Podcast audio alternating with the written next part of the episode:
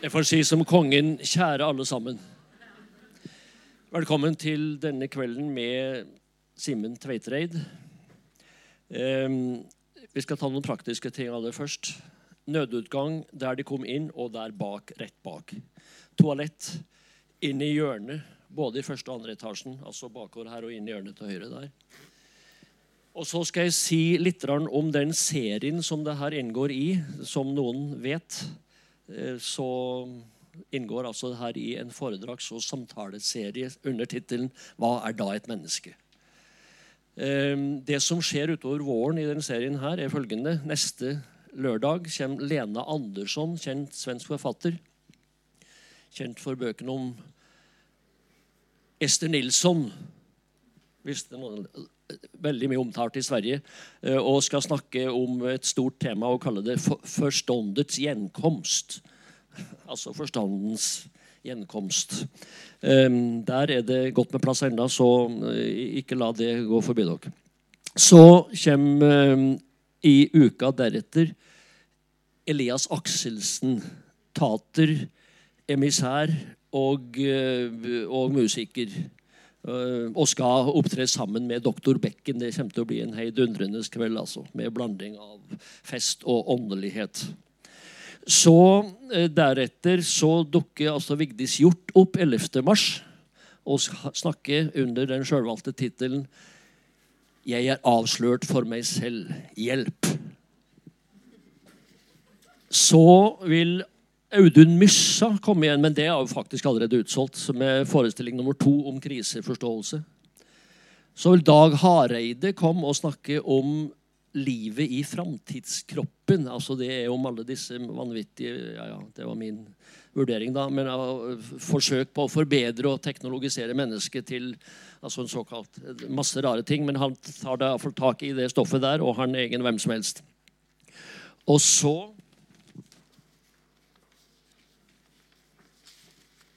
2. Ehm, april kommer biskopen i Oslo, Kari Weiteberg. Og da skal jeg snakke med henne under tittelen 'Hvem er den andre?' Ehm, dagen etter kommer Frode Tuen, psykolog kjent fra avisspaltene, og Bent Sofus Tranøy, statsviter, skal snakke om intet mindre enn livet, døden og kjærligheten. Det er litt humoristisk ment, men, men med et dypt alvor bak. 10. mai, Gro Nylander. Eh, forfatter og aktivist av forskjellig eh, type. Menneskets hjerter forandres aldeles intet. Altså med et utgangspunkt i Sigrid Undset.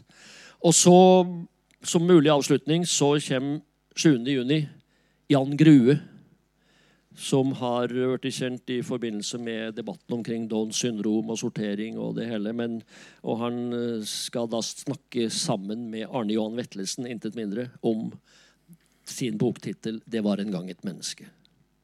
Så følg med, følg med. Det er mye som skjer, og de er hjertelig velkommen igjen. Men da vi, skal vi tilbake til kvelden i kveld. Altså Simen Tveitereid, som skal snakke om stille spørsmålet 'Har arbeidet stjålet livet?' Han er kjent for eh, åpenbart mange her, ettersom det er så mange som, som har kommet. Han er både journalist og forfatter. Han er redaktør i nettmagasinet Harvest, som eh, er opptatt av det som de sjøl skriver, sammenhengen av naturen og betydningen den har for livene våre. Men han er, og jeg utnevner en herved til også å være en livsfilosof. altså. Langt mer enn natur. Det, det her er jo filosofi om livet, og altså i, det, i kveld arbeidet. Han har gitt ut bøkene 'Hva skal vi med barn?' 2008 og, den, og så kom i 2012, en god tittel, da, 'Northug, Nansen og jeg'. Og nå sist, i 2018, 'Et fritt liv'. Om å ønske seg noe annet i verdens rikeste land. Så det her blir saker, tenker jeg. Simen, du er hjertelig velkommen. Takk for det. Og ordet er ditt.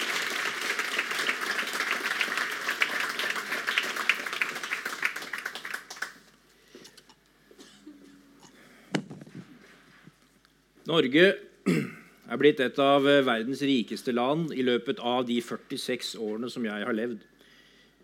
Velstanden her i landet er tredoblet siden 70-tallet. Likevel så vil de fleste av oss gjerne ha økt lønn hvert eneste år, og vi jobber stadig like hardt, minst, for å få det materielt enda bedre. Og det går ikke én måned uten at vi kan høre en eller annen politiker si at i fremtiden så må nordmenn regne med å jobbe enda mer om vi skal redde velferdsstaten. Og da skal vi også tjene mer penger selvfølgelig, og forbruke mer. Samtidig vet vi at det er Uansett hvordan vi analyserer klima- og miljøproblemene, så er det økt forbruk som ligger i bånn. Og vi vet at stress er blitt en folkesykdom, til dels også blant unge mennesker. Jeg vil si at dette er dilemmaer som det snakkes for lite om. Det mangler jo ikke kritikk av kapitalisme eller markedskapitalisme eller forbrukersamfunn, disse store ordene. Men vi trenger en annen, dypere samfunnskritikk som ikke handler om grådige multinasjonale selskaper eller høyt forbruk bare, men av selve ideen om at produksjonen må øke hvert eneste år, og av den arbeidsideologien som ligger bak. Arbeidsideologi kaller jeg det. Hva er det for et ord? Ja, det er det jeg skal snakke om uh, i kveld, egentlig. Og før noen med en gang går i forsvarsposisjon og tenker at ja, men jeg er jo så glad i å jobbe, så vil jeg si at det er også jeg. Og at arbeidsglede er selvfølgelig viktig, en viktig del av livet. Og at arbeidsmoral den har på mange måter tjent Norge og de fleste av oss vel.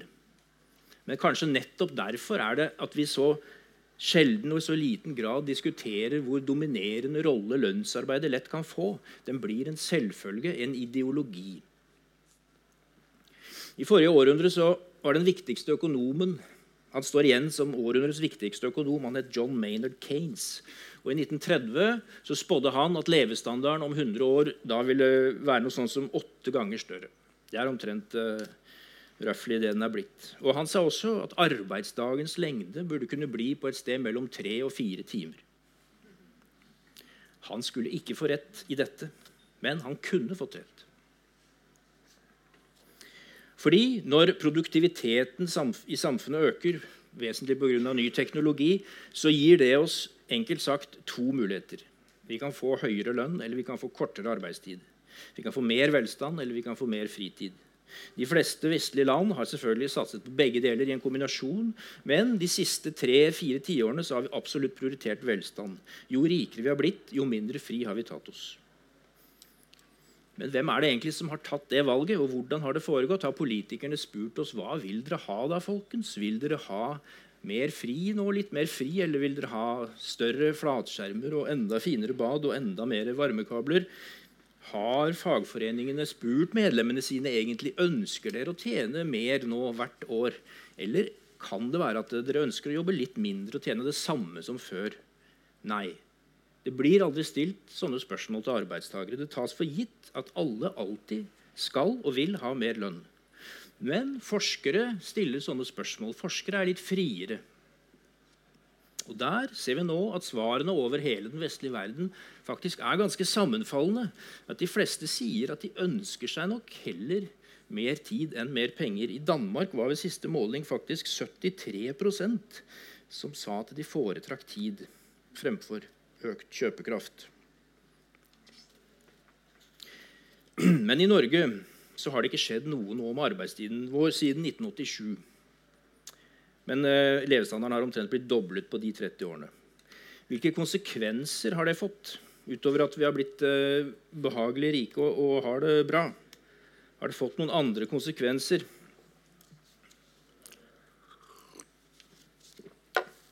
Her har jeg et sitat fra Nietzsche fra 1912. Så dette er jo uh, ikke ting som har skjedd de siste 20 åra. Altså, dette er dypt i uh, den protestantiske kultur. Kan alle se det som står på den skjermen der? Nei, ingen? Ingen kan se det? Da må jeg lese det, da. Arbeidet vinner mer og mer av den gode samvittigheten over til sin side. Ja, snart går det vel så langt at man ikke kan ønske seg et vita contemplativa, dvs. Si promenader med tanker og venner. uten å kjenne selvforakt og dårlig samvittighet. Nå, Før var det tvert om. Da var det handlingen som led av dårlig samvittighet. En mann med ære skjulte sitt arbeid dersom han var tvunget til å gjøre det. Ja, Jeg vet ikke når det var, men det er vel lenge siden. det da. Men det er klart at mennesker har alltid arbeidet. Vi har arbeidet med å skaffe mat og produsere varer, eller også for å kjenne glede over å lage noe. Men arbeidet har alltid vært begrenset til det som har vært nødvendig for å dekke de materielle behovene. Um, og han, eh, Filosofen Alain de Botteau han sier at alle samfunn har hatt arbeid i sentrum, men at vårt samfunn er det første som foreslår at arbeidet kan være noe annet enn en straff eller en botsgang. At vi skal jobbe selv om vi kanskje strengt tatt ikke trenger det økonomisk. I hvert fall ikke så mye. To make a living heter det jo på engelsk. Å lage seg et liv kan det bety litt direkte oversatt. Altså å tjene nok penger til å betale for alt du trenger Gå til et spesielt sted for å være ansatt i en annens tjeneste for å utføre oppgaver fra en viss tid til en annen.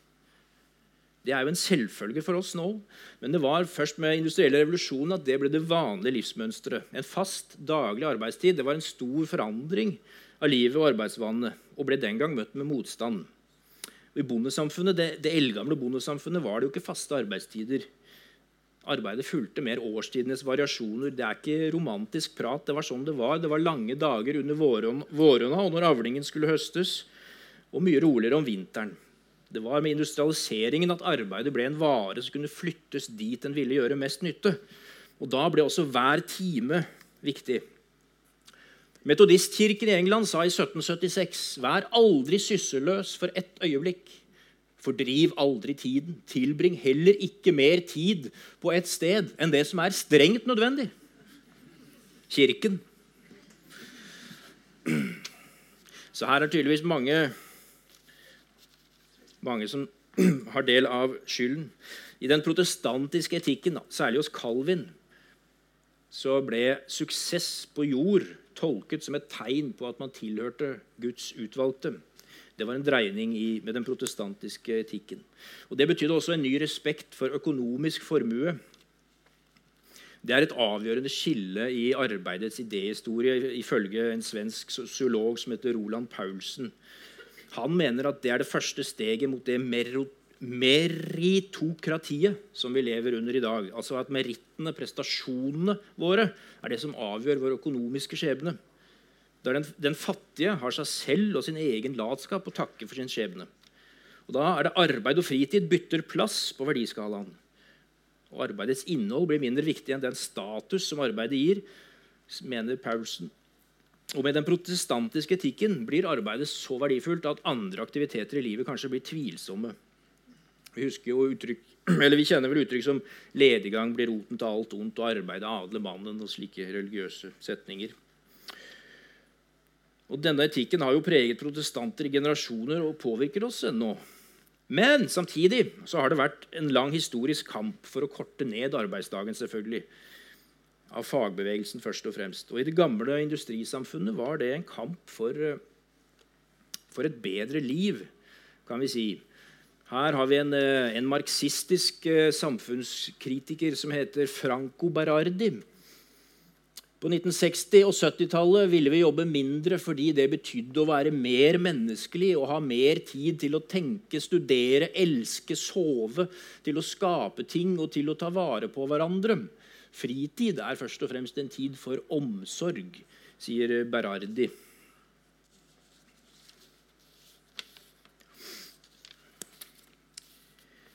På den, på den tiden eh, så var jo eh, altså I de evige repetisjoner ved samlebåndet så mistet arbeideren kontakt med det han produserte. og Disse samfunnskritikerne snakket jo om at eh, arbeiderne ble fremmedgjort. ikke sant? Han var, han var et hjul i et enormt maskineri, som Chaplin her i Modern Times. Men drømmen, drømmen da var ikke frihet fra arbeid. Det var ikke å ligge på sofaen. Drømmen var frihet gjennom arbeidet ved at folk kunne få bruke mer av sine evner, bruke hele seg. Men er det ikke akkurat det som har skjedd, da? Kanskje? Er det ikke den visjonen som har blitt virkelig for mange? Ja, en gang var det jo et privilegium for overklassen å ha fri fra arbeid. Og slik er det i hvert fall ikke lenger. Å ha mest mulig fri, fri regnes ikke lenger som et gode. Det er ikke en del av det moderne kravet om mer frihet. Det er heller tvert om. Å ha en jobb regnes som avgjørende for å være et fritt og frigjort menneske. Det er først og fremst gjennom lønnsarbeidet vi kan realisere oss selv og skape vår identitet, så å si.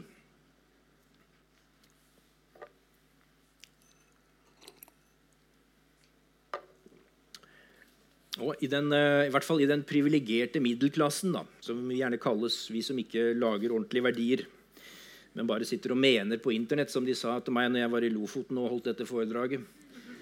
Ja, hva er det du driver med, da? Du, du har noen sauer, og så skriver du vel på Internett om kvelden? Som de sa til meg. Ja, men i den eh, privilegerte middelklassen som jeg er en del av, så er det ikke uvanlig å si at folk elsker jobben sin. En jobb den skal ikke lenger bare gi oss inntekt og kontakt med andre mennesker. Helst skal den være noe vi kan engasjere oss i med våre evner og personligheten.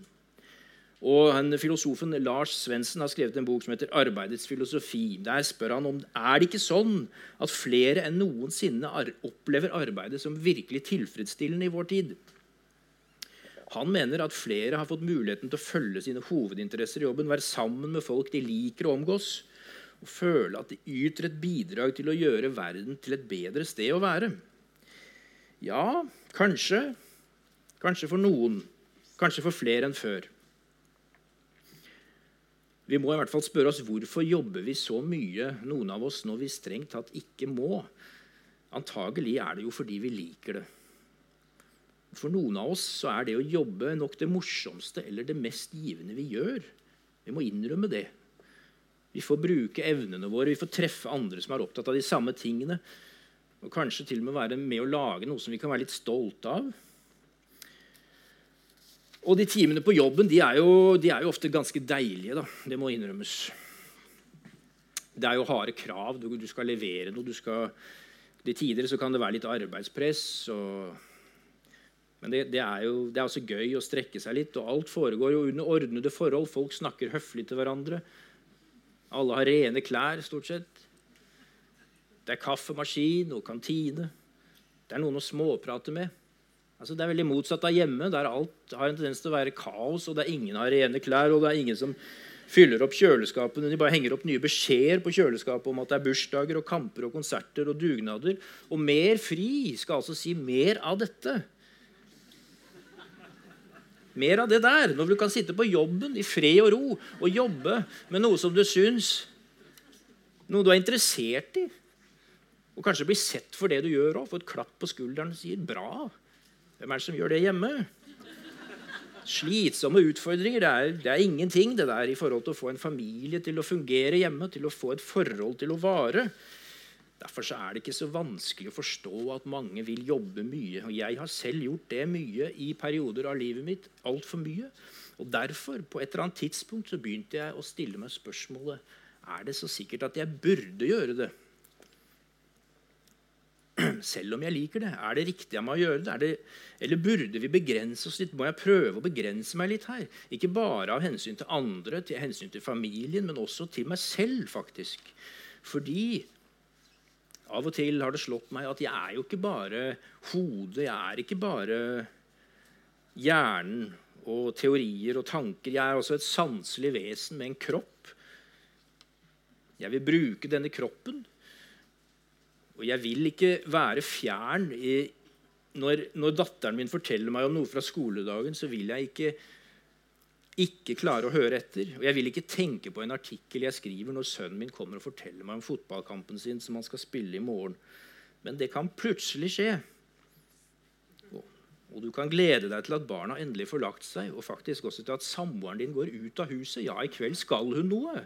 Flott. Flott. Bli lenge. Ta dere flere glass. Opp, opp med Mac-en. Opp med Mac-en med en gang kose meg når jeg kan jobbe litt ekstra hjemme på kvelden i fred og ro. Og det er nesten så jeg gruer meg noen ganger til den lange ferien med åtte uker, da barna er hjemme i åtte uker. Og da selve livet, hva nå det er for noe, skal være i sentrum. Og da tenker jeg, for ikke å snakke om alle de årene som pensjonist. Skrekk og gru, hva skal de fylles med?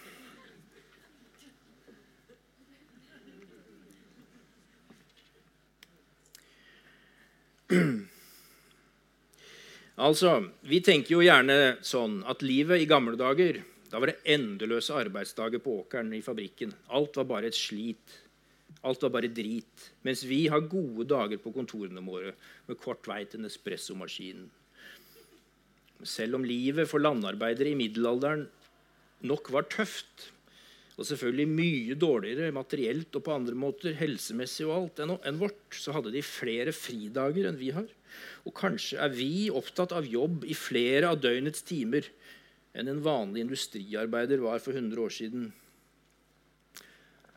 Her har vi altså et oppslag fra Wall Street Journal i USA, hvor de lurer på om 4 AM is the most productive hour. Det var en artikkel som handlet om uh, det nå er uh, hvor, hvor, en del uh, folk står opp klokken fire om morgenen. Skal jeg se om jeg kan få til å vise dere den filmen? da? Det hadde jo vært litt gøy. Det er en tre minutters klipp hvor hun som har skrevet den artikkelen i Wall Street Journal, blir intervjuet her. Kan hende det kommer noe reklame først. Er det lyd her, da? Jeg får ikke lyd.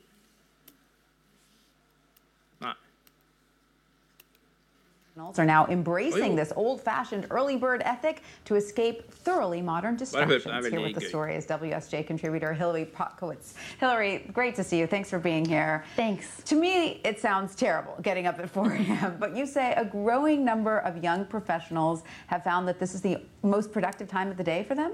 Yes, I even had people trying to convince me that 4 a.m. is the new 7 a.m. Oh my goodness. And there's certainly a lot of bold-faced names we know who are doing this as well, correct? Right. There's always been, you know, CEOs and go-getters who um, are well known for that, whether it's, you know, the CEO of Starbucks, right. CEO of Apple, the first lady apparently the first gets, lady up, gets at up at 4.30 in the morning. There you go. Right. So what do they say, the people that you spoke to who get up at 4, what do they say they do during this time? Sure. Um, they do a variety of things. Some do some get up to work out and they go running or right. biking. Others go through email. Some work on their own projects. Um, people meditate. And what are they escaping?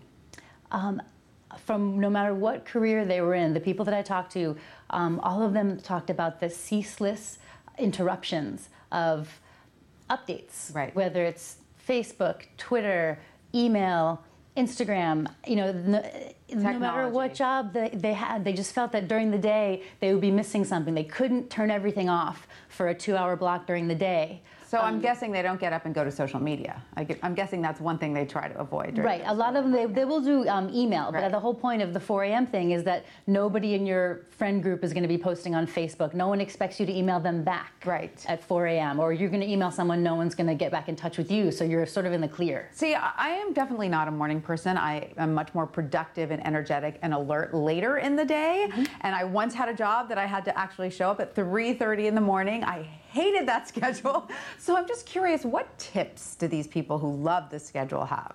Sure. Um, one of them said to sleep in your gym clothes, um, but more importantly, to put on your sneakers as soon as you wake up, so within 10 seconds, because it's very hard to go back to sleep with your shoes on. Yes, I guess that's true. Um, programmable coffee makers, so you can have the coffee start making itself at 3:45 in the morning. Very good. Um, another one was one person I talked to scheduled her emails for delivery later in the morning, so Right. she'd write them all at 4:30, but schedule them for delivery at 8, so that her clients didn't think that she was available 24/7. Very Um, smart. And the last one was a lot of gyms offer a early morning class, say a 5 a.m. class. Yes. And so people found they were able to find others who sort of share this lifestyle and schedule, and they actually were able to sort of make friends and, and beat some of that isolation. Well, of the 4 speaking of lifestyle, doesn't it ruin your social life? How do you have dinner with friends and family? If you do, they go to bed super early. What do they do yes, at night? most of them said they were in bed by nine ish. Um, a couple of them said maybe they only needed six hours of sleep, so they'd stay up till 10, 10.30, but most of them across the board went to bed early. So they don't regret the loss of social life. These folks. Most of them don't. You know, if they, if they have a family or if they have a partner already, Yeah. um, or they say, you know, you can go out to dinner and still be home and in bed by 10 o'clock. Get that early bird special. Hillary, did you try it? Um, for a few days I did. I got up at 4.45 a couple days. I know that's a little bit wimpy compared to what these guys do. And what did you think?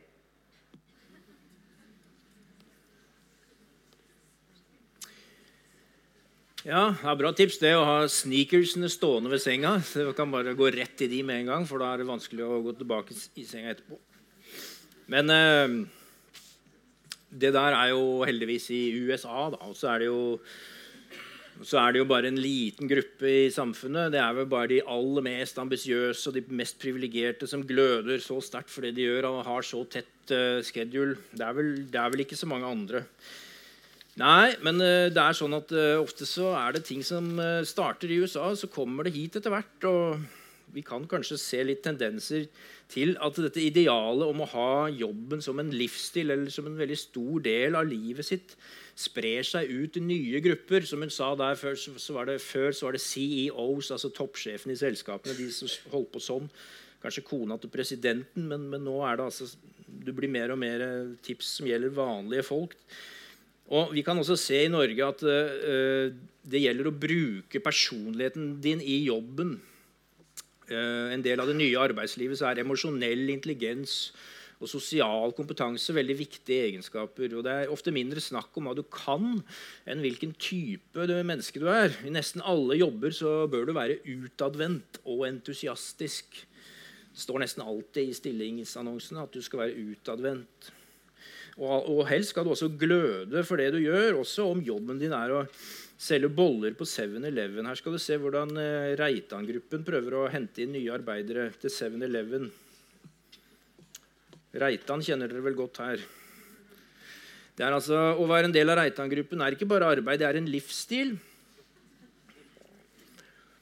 Ja, ja. Det kan jo være bra det for disse folka her. Det er ikke det. Jeg skal ikke gjøre narr av dem fordi de jobber på, på 7-Eleven. Det er bra å være ivrig i jobben sin. Men Reitan-gruppen skriver altså at de ønsker mennesker med lidenskap. Lidenskap det er et ganske sterkt ord. Det, det, betyr en sterk, brennende interesse og begeistring. Eller en erotisk følelse og begjær. Sånn defineres det i Store norske leksikon. Og Det er det som Reitan-gruppen vil ha når de Og da tenker jeg at Dette pleide jo å være noe som tilhørte andre sider av livet enn jobben. Men så altså, er, er, dette noe problem, da? Er det ikke litt surmaget kritikk å henge seg opp i sånne ting som dette her? Ja, det kan vi jo si. Men altså, i industriarbeidet, da, hvis vi går tilbake der, når de fleste, eller langt flere enn i dag, var industriarbeidere, så ga vi vår muskelkraft Det var kroppen som ble sliten. I kunnskapsarbeidet, i cyberkulturen, så gir vi vår hjernekraft. Vi gir vår kreativitet, kanskje vår passion, dette skriver den filosofen som jeg hadde oppe i stad, Franco Berardi, i boka 'The Soul at Work'. Der hevder han at selve livet kan bli tappet for vitalitet og begjær, og at relasjonene vi har utenom arbeidslivet, kan bli fattigere enn de trenger å være. Og at vi risikerer en slags ny form for fremmedgjøring, nå ikke av kroppen, men av sjelen vår, fordi vi gjør noe frivillig, ofte svært frivillig, men som vi kanskje egentlig ikke inne, innerst inne likevel ikke ønsker å gjøre. Og vi får heller aldri helt fri, for vi er fanget fra innsiden av våre egne ønsker om å prestere. Dessuten så ja, Her kan dere se et sitat til av han Berard. Den, den, industrielle arbeider var åtte timer foran en maskin, men hans hjerne var fri. De intellektuelle arbeiderne i dag, som jeg kaller kognitariatet, proletariatet av kunnskap, er fanget fra innsiden på en slik måte at de aldri får fri av. Derfor er de også redde for at arbeidet kan ta slutt.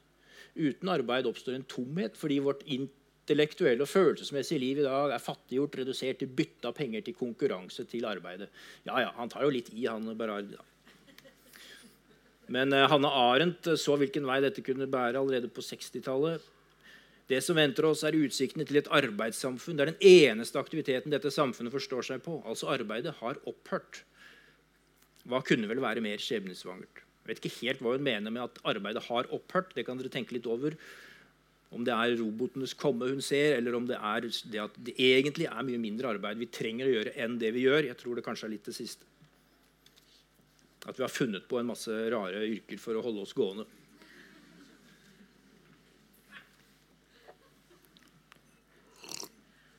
Og Hver eneste uke så kan vi høre det at vi må skape flere jobber. Erna Solberg sier hele tiden Siv Jensen og alle sier det. Vi må skape jobber. Men de sier ikke noe om hva slags jobber. Aldri hørt de si det. Hva, hva er det vi egentlig skal gjøre? Hvilke jobber er det som er så viktig å gjøre?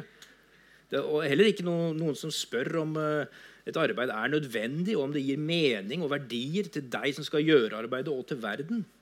Og faktisk viser internasjonale undersøkelser at halvparten av arbeiderne mener at det arbeidet de selv gjør, er til dels meningsløst og like gjerne kunne vært ugjort. Halvparten. Der er Norge bedre. Vi har ikke så store tall. Men vi må kunne si vi må innrømme at mye av arbeidet vi gjør, gjør antagelig mer skade enn nytte. Fordi klima- og miljøproblemene kommer av overproduksjon. Og I den klassiske økonomien den gamle økonomien var målet å produsere nok av de varene folk trengte. Mens i overflodssamfunnet vårt dreier økonomien seg om å skaffe folk et arbeid, skriver Roland Paulsen i boka 'Arbeidssamholdet'. Han mener at forbruket da blir en nødvendig løsning på overproduksjonen.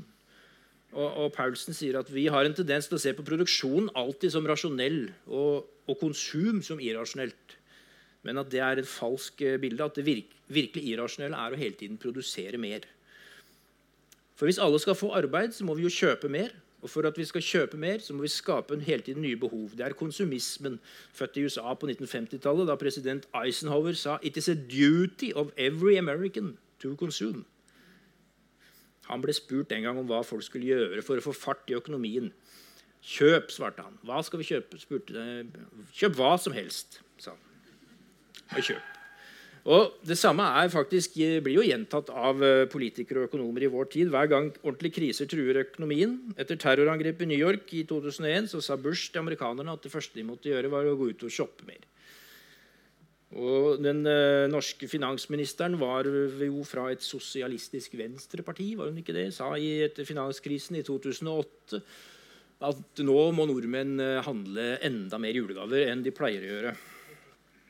Det var det samme år som Barack Obama kjøpte 17 600 biler fra Chrysler, Ford og General Motors for å redde bilindustrien og holde arbeidsløsheten nede. Akkurat samme medisin som ble brukt mot depresjon i 30-årenes USA.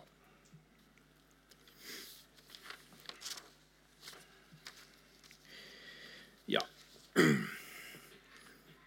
Men altså, eh, konsumismen og forbruk eh,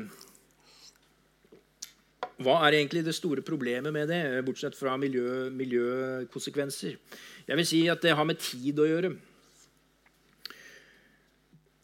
Tid. Vi, må spørre oss skal vi alltid gjøre noe nyttig. Er mennesket hva vi presterer?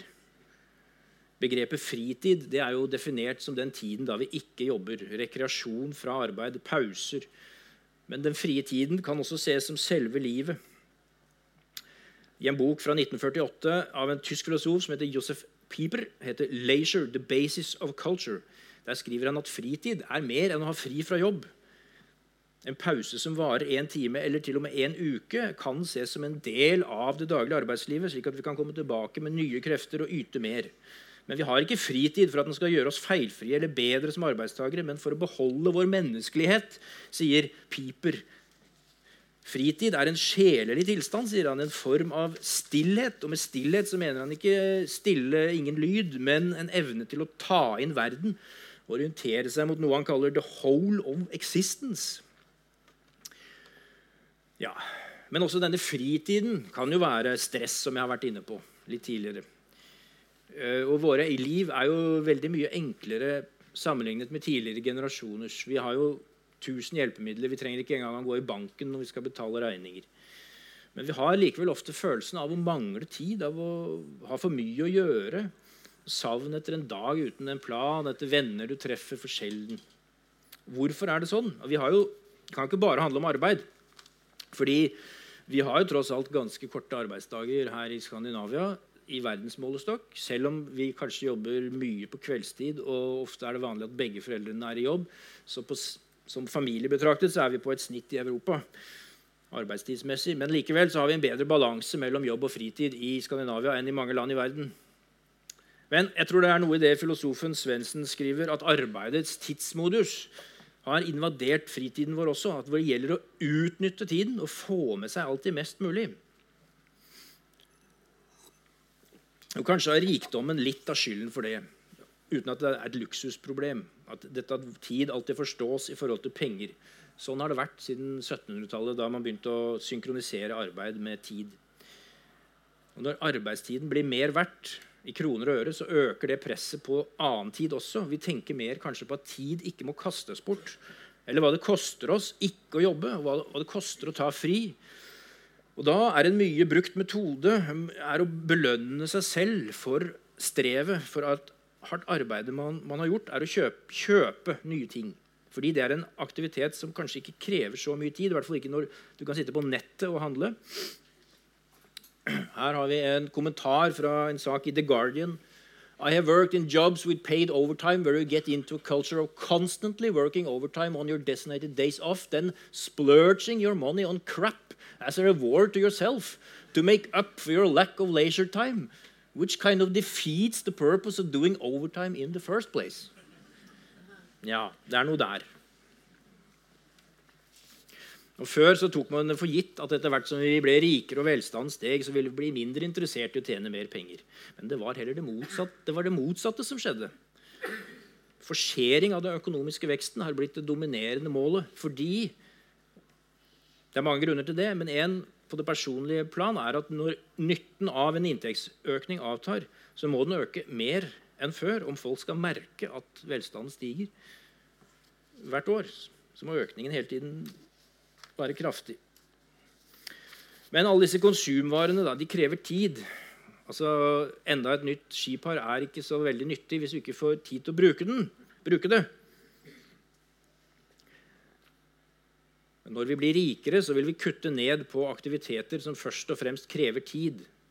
Sånn som å gå og reise på en topptur med på ski på topptur. Det krever enormt mye tid. Det krever ikke mye tid å kjøpe skiene, men det krever veldig mye tid å gjøre aktiviteten.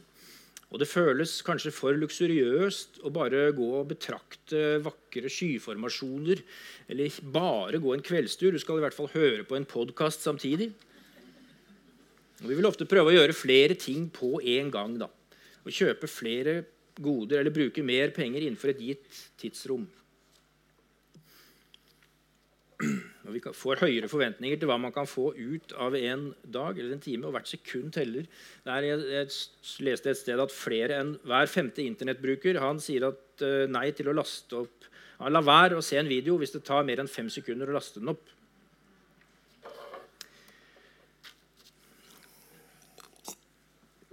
Ja, nå blir det verre og verre her. Se den. Ja. Orker, orker dere mer av dette?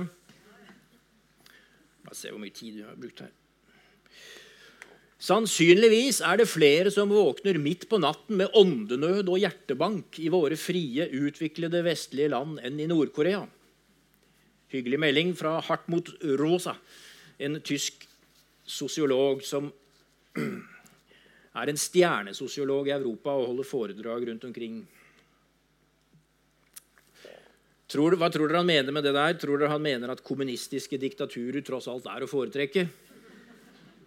Nei, vi får vel ikke regne med det. Jeg tror vel at selv om, selv om kapitalismen har seiret, så er det ikke sånn at alle problemer er løst. Vi får jo ofte høre det. Hvis man prøver seg på kritikk av kapitalismen, i noen forstand, så får man alltid tilbake ja, men var det bedre med kommunismen? Eller hva, hva er alternativet? Og Kritikken av kapitalistiske samfunn dreier seg ofte om urettferdig fordeling da, av ressurser og økonomiske ressurser. Urettferdighet, ulikhet. Det er jo viktig. Men det finnes også andre problemer som ikke nødvendigvis forsvinner, selv om godene skulle bli helt likt fordelt. Ingen arbeidere blir utnyttet.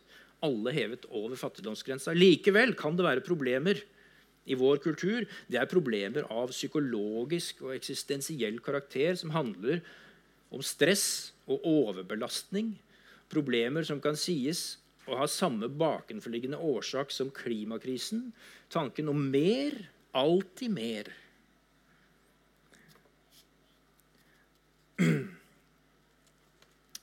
For jeg tror jo at selv om mange nå sier at de har en økende angst for en verden, hvordan verden skal se ut om ikke så altfor lenge, at klimaproblemet presser seg stadig nærmere oss, så er det fortsatt ikke sånn at det er redselen, frykten for, en, for at uh, verden i morgen du våkner opp, er tre grader varmere. Det er ikke den som gjør at vi våkner om natta med hjertebank.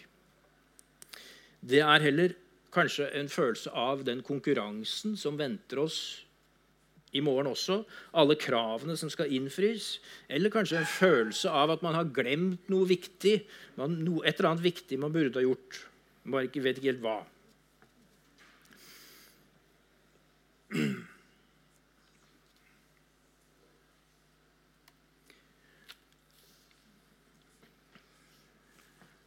Her har vi et bilde som eh, sikkert for noen år siden så litt sjokkerende ut. I dag er det temmelig hverdagslig situasjon, og det ikke, må ikke til Asia for å ta et sånt bilde lenger. Det er overalt. Så et spørsmål er jo om er disse menneskene her er de frie. Har de fri, eller er de på jobb? Det, det er helt umulig å si hva de driver med, egentlig.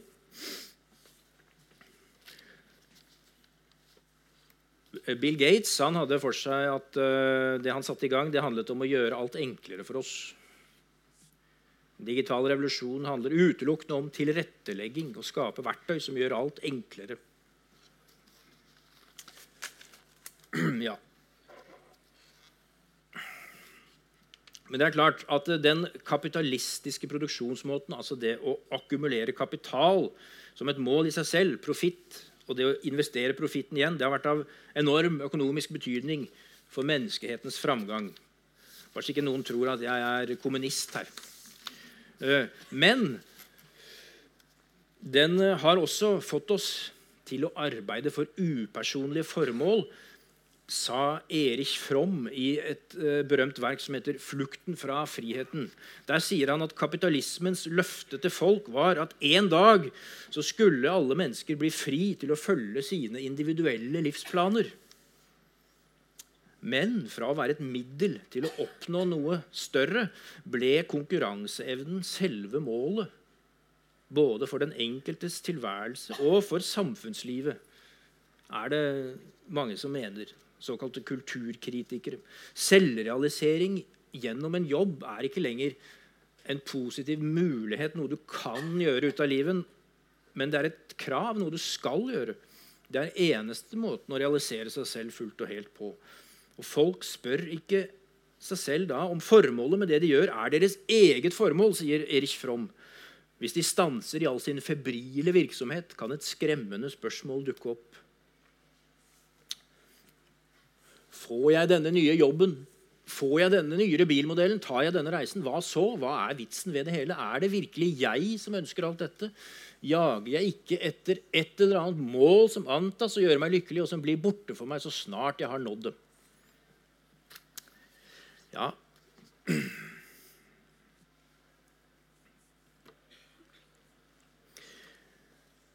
Altså den eh, religionen vi har nå til dags, den heter eh, ikke protestantismen, men den heter økonomisk vekst.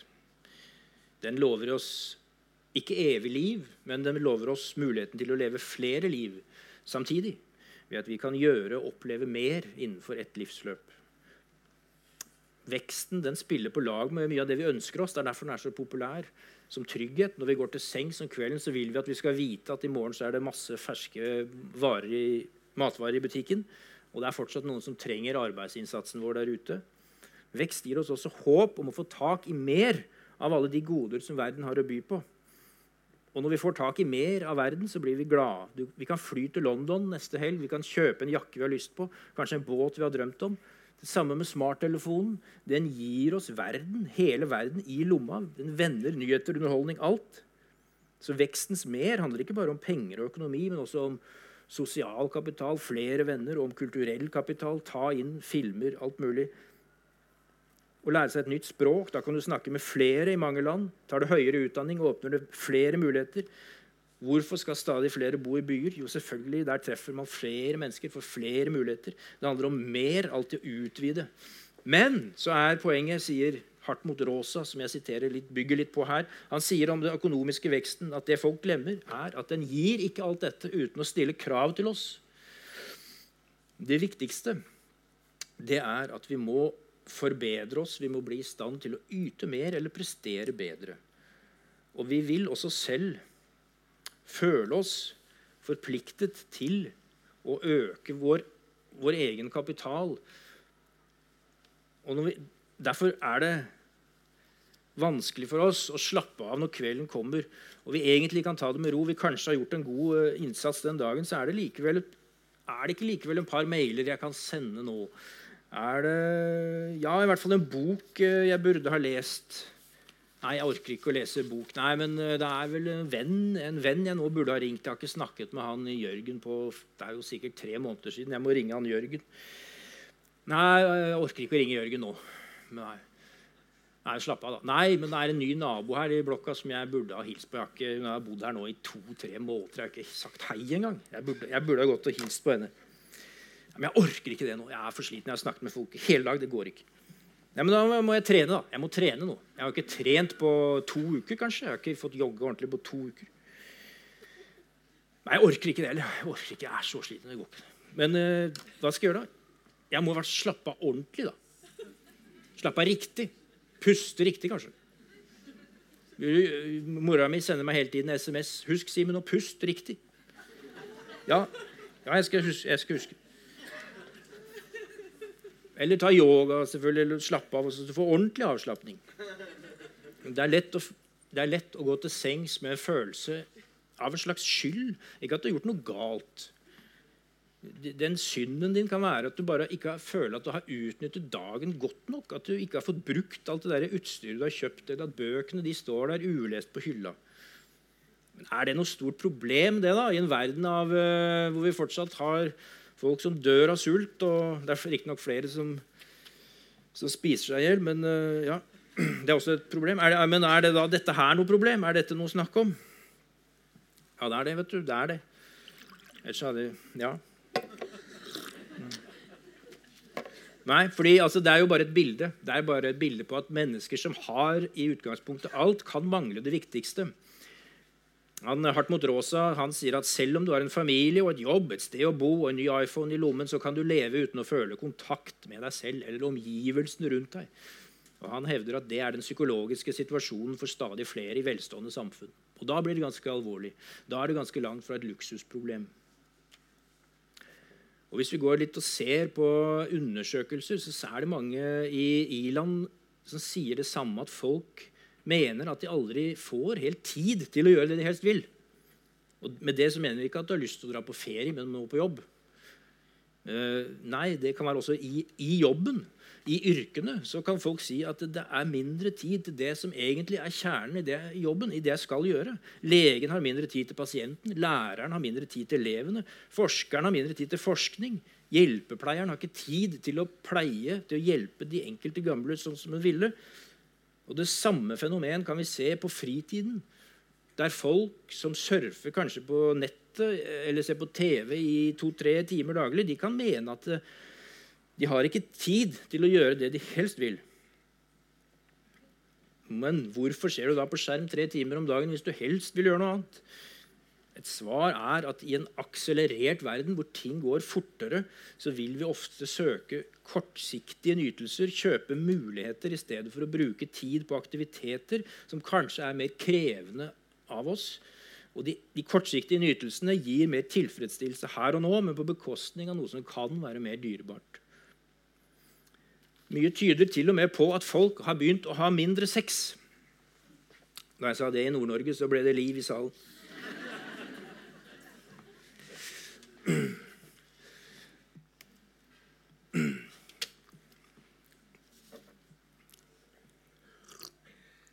Her er det altså ungdommer på 17-18 år som blir intervjuet i Aftenposten og hevder at de ikke har tid til å ha et liv ved siden av skolen fordi følelser tar for mye tid. Det er en forklaring på hvorfor de ikke har sex for følelser. Da må de involvere seg med andre mennesker, og det har de ikke tid til. Og det er faktisk sånn at Hvis man ser på statistikk, så er det andelen amerikanske studenter som har hatt sex mens de har gått på college, det har gått tilbake fra 54% i 91 til 40% i 2017. Ganske mye, det. Og unge mennesker sier over hele verden, vestlig verden at de har færre sexpartnere enn de, enn de hadde for 30 år siden, og debuterer senere.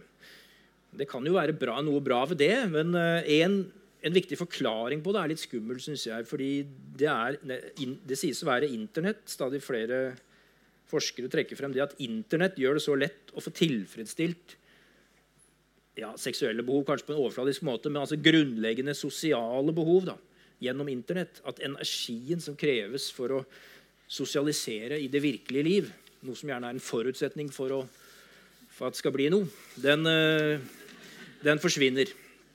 Eller det, vi orker ikke. da. Det blir for tidkrevende å være sosial, for mye styr å involvere seg følelsesmessig, for slitsomt å være i det vi pleide å kalle selve livet. Og den gjengen her, den generasjonen der, de er jo nå mer og mer vant til å kommunisere med venner gjennom sosiale medier. De der kommuniserer de helst skriftlig. Mange sier at det er, eh, også føles enklere og tryggere. Og Der kan de redigere det, det de kommuniserer, og de slipper å forholde seg til andres fysiske nærvær. Men faren er jo til stede for at det kan gjøre oss dårligere til å snakke med andre mennesker. rett og slett. Og Det som vi har fryktet ved det, vårt uh, veldig intense forhold til smarttelefon og sosiale medier, er vel først og fremst rastløshet og konsentrasjonsvansker. kanskje, og Det er jo viktig i hvert fall i, i, arbeidet, men jeg tror det er enda mer som står på spill enn det. Det, det er mer det essensielt menneskelige, kan vi si.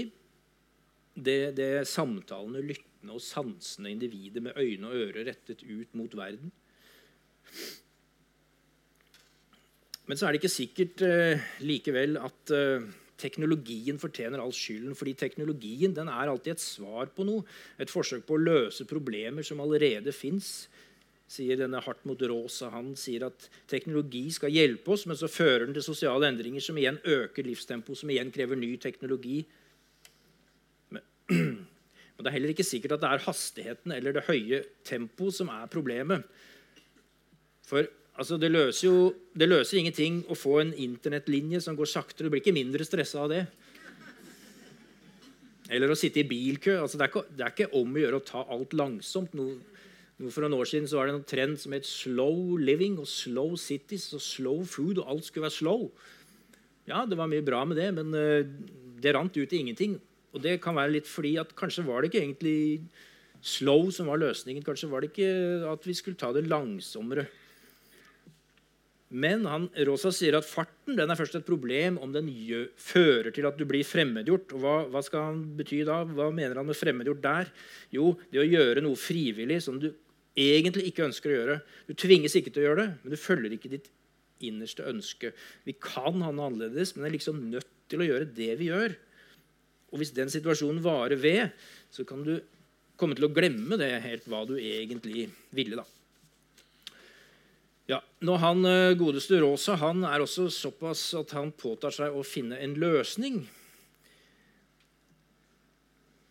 Vi har eh, fem minutter, ti minutter igjen til løsningene. Er ikke det bra? Det er, det er ikke mange som snakker om løsninger av sånne kulturkritikere. De har som regel eh, mange teorier om hva som er gærent, men det er aldri noen som sier hva som skal gjøres. Eh, hardt mot Rosa, da, så han sier at eh, det, han kom opp med en metafor han, som skulle favne alt sammen. Et ord som er litt vanskelig å forstå, som heter resonans. Hva er det for noe? Er det en slags mindfulness for professorer? Eller Det er visst et begrep som er hentet fra fysikken, der det beskriver to systemer som svinger i takt med hverandre og Det er altså en relasjon mellom menneske og verden. Weltbeziehung heter det på tysk. Og Det er en måte å relatere til verden på. Til venner, arbeid, til naturen, som gir en opplevelse av kontakt og bølgelengde. Av å få et svar fra omgivelsene. Ikke fullstendig harmoni, men av noe som snakker til deg eller beveger deg på et eller annet plan. Da kan du få en fornemmelse av å høre verden og høre til i verden. sier han. Det kan være opplevelsen av musikk, det kan være å se på en katt eller å stryke en katt på ryggen. Se et landskap, oppleve et landskap eller en samtale. Det kan også være i arbeid, også i fysisk, praktisk arbeid som å bake et brød, kløyve ved eller, eller skrive en tekst også. Uh, og han, om, han, beskriver to forskjellige måter å være i verden på to, gjennom to kvinners liv. En som heter Anna, og en som heter Hanna. Eh, de er like gamle, de har samme familiesituasjon. Men han sier at mens Anna, nyt, Anna nyter varmen fra sola, smiler til kolleger og finner glede i fysisk aktivitet, så opplever Hanna omverdenen mest som irritasjon og forstyrrelser så sier han at tradisjonell sosiologi ville pekt på at Hanna er underprivilegert på en eller annen måte, mens Anna tilhører det øvre lag i samfunnet, og at det er årsaken til forskjellene mellom de to. Mens Rosa sier at en sånn analyse er utslag av ressursfetisjisme, og hevder at den fornøyde Anna like gjerne kunne vært en enkel havnearbeider. Det er altså noe med måten hun er til stede i verden på. Og vi søker vel alle den der følelsen der uten at vi snakker om resonans. Altså Vi prøver i helga å koble av og lade batteriene og finne kanskje en ro etter fullt kjør uka igjennom. Prøve å hente oss inn ved å gå i skogen, høre musikk, lage bedre mat, være sammen med venner. Vi gjør det selvfølgelig, eh, men vi gjør det kanskje mest i helger og ferier. Og når denne resonansen bare er noe som finnes i sånne oaser på spesielle steder og til visse tider, så er den jo en pause fra den normale tilstanden. Noe som skal gjøre oss i stand til å fortsette kjøret i hverdagene. Og Spørsmålet er om denne resonansen kan bli et litt mer vanlig modus å være i. da. Den kontakten som vi har med mennesker rundt oss, og i det arbeidet vi gjør. Og Da mener denne Rosa at løsningen det er ikke bare hva den enkelte gjør med livet sitt. Det er, det er, ikke at den enkelte skal føle at han må dra på en sånn yogakurs. Det er altså de sosiale og politiske betingelsene i samfunnet det handler om til syvende og sist. Og temaer, det sier jeg for mitt, uh, min egen regning, er temaer som stress, stress og press og psykisk helse. Altså Psykisk helse er jo en, til en viss grad på den politiske agendaen, men stress, press, det, det anses stort sett som private forhold som ikke har noen ting med økonomiens behov for konkurranseevne og vekst å gjøre. Og Der mener jeg det ligger en viktig løgn begravet. Og der, der ligger fundamentet for en, eh, for en ny politikk. Eh, hvor kortere arbeidsuke er eh, en viktig en viktig bærebjelke. Dette er hentet fra noe som heter New Economic Foundation i Storbritannia, som jobber for en kortere arbeidsuke. Der har de jo en del lengre arbeidsuke enn vi, enn vi har i Norge. Men over hele verden så er det mange det nå som, som trekker fram kortere arbeidstid som en mulig, som en mulig løsning. Um, og det, det kan uh, være problematisk. Altså, vi kan jo si at vi er jo frie til å gjøre det, kanskje hver og en av oss i dag. Den enkelte. Vi kan jobbe mindre, vi kan uh, tjene litt mindre.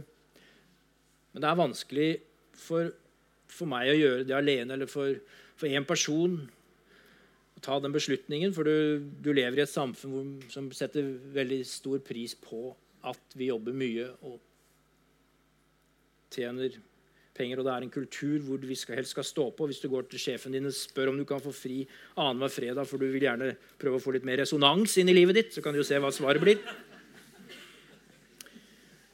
Derfor så må det bli eh, eh, reformer. Og det blir, men altså, hva skjer da hvis vi skulle stå hvis vi skulle begynne å jobbe oss litt nedover mot en sekstimersdag Vi kan ikke innføre sekstimersdag i neste uke, men si at det er et prosjekt over 10-20 år. Da, at vi går litt mer eh, i den retning. Her er mange gode grunner eh, som dere kan se på til å gjøre det. Men hva skjer da? Eh, da sier den amerikanske professor James Livingston at da må vi til en viss grad faktisk definere mål og mening i livet på nytt.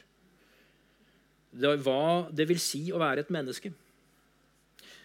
Og i den krisen som, eh, en, Nesten en moralsk krise som kan oppstå, mener han. da. Der, der ligger også en stor mulighet, og vi kan bli tvunget til å se for oss en annen verden der jobben ikke lenger former like mye av vår identitet. Vi har eh, et sitat til slutt her, tror jeg kanskje er siste. At uh, En filosof som heter Kate Soper, sier her hvorfor det er så vanskelig å, å gjøre noe med disse tingene. Det er, I en kultur hvor det å være i jobb er så sterkt forbundet med personlig suksess, og der folk uten jobb vanligvis mangler den kapital, de fasiliteter og former for utdanning som skal til for å glede seg over lediggang. Eller den mer konsentrerte og pasjonerte dyrking av private hobbyer. Er det ikke overraskende om fritid blir sett som et problem heller enn en kilde til tilfredsstillelse? Men vi kan ikke vite hvordan folk ville reagere på mindre arbeid om det ikke lenger var så sterkt forbundet med stigma som latskap, arbeidsløshet og redusert borgerskap.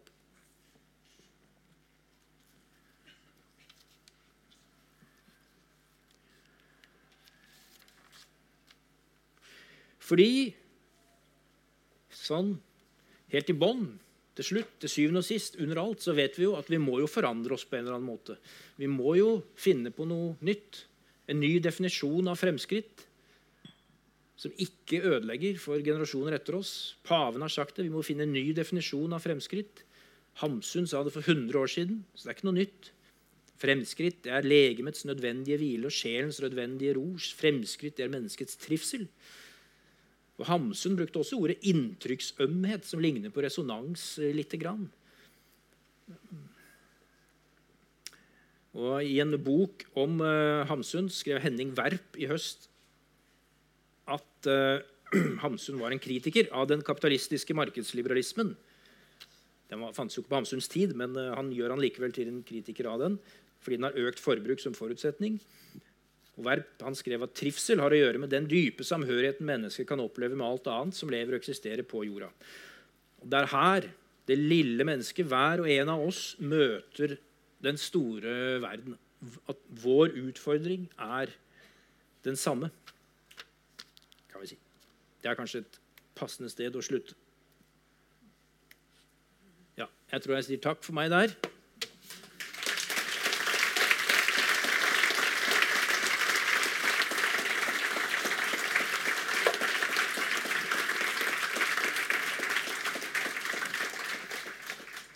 Resonans. Ja. Tegn i tiden. Um, også nå begynte han også å snakke om å puste. Det er mora di som ber, ber å huske på ja, nå må, jeg, nå må jeg nok puste ekstra mye neste timen. Ja, altså på det personlige planet. Kulturkritikken er en ting, men på det personlige planet så gjelder det å puste. altså. Det sa Per Petterson for, for tre uker siden. Pust godt inn og pust ut. Audun Mysja sa det samme. Pust godt inn og ut. Så der har vi iallfall på det mer personlige planet noe som er et tegn i tiden. Og nå kommer han med det også. Men nå skal vi ha pause, folkens. Og så blir det anledning til å stille spørsmål og, og ha en samtale. Og, og, i tråd med budskapen. Så må vi ha tid til det. Så nå blir det en, et kvarters pause. Ja, da prøver vi å komme oss litt videre. Hvis dem som går bak der og handler, gjør det litt sånn diskré, og så kommer vi i gang med denne samtalen. og runden. Mens jeg husker det, så sier jeg også at e- etter at vi er ferdige her, så blir det altså åpent der på Sellandrå. Og det, det, har ikke vært helt vanlig, men i kveld er det altså mulig å gå rett inn der og sette seg ned etterpå. For resonansens del, altså. Ja. Men da Får du komme her, da, Simen?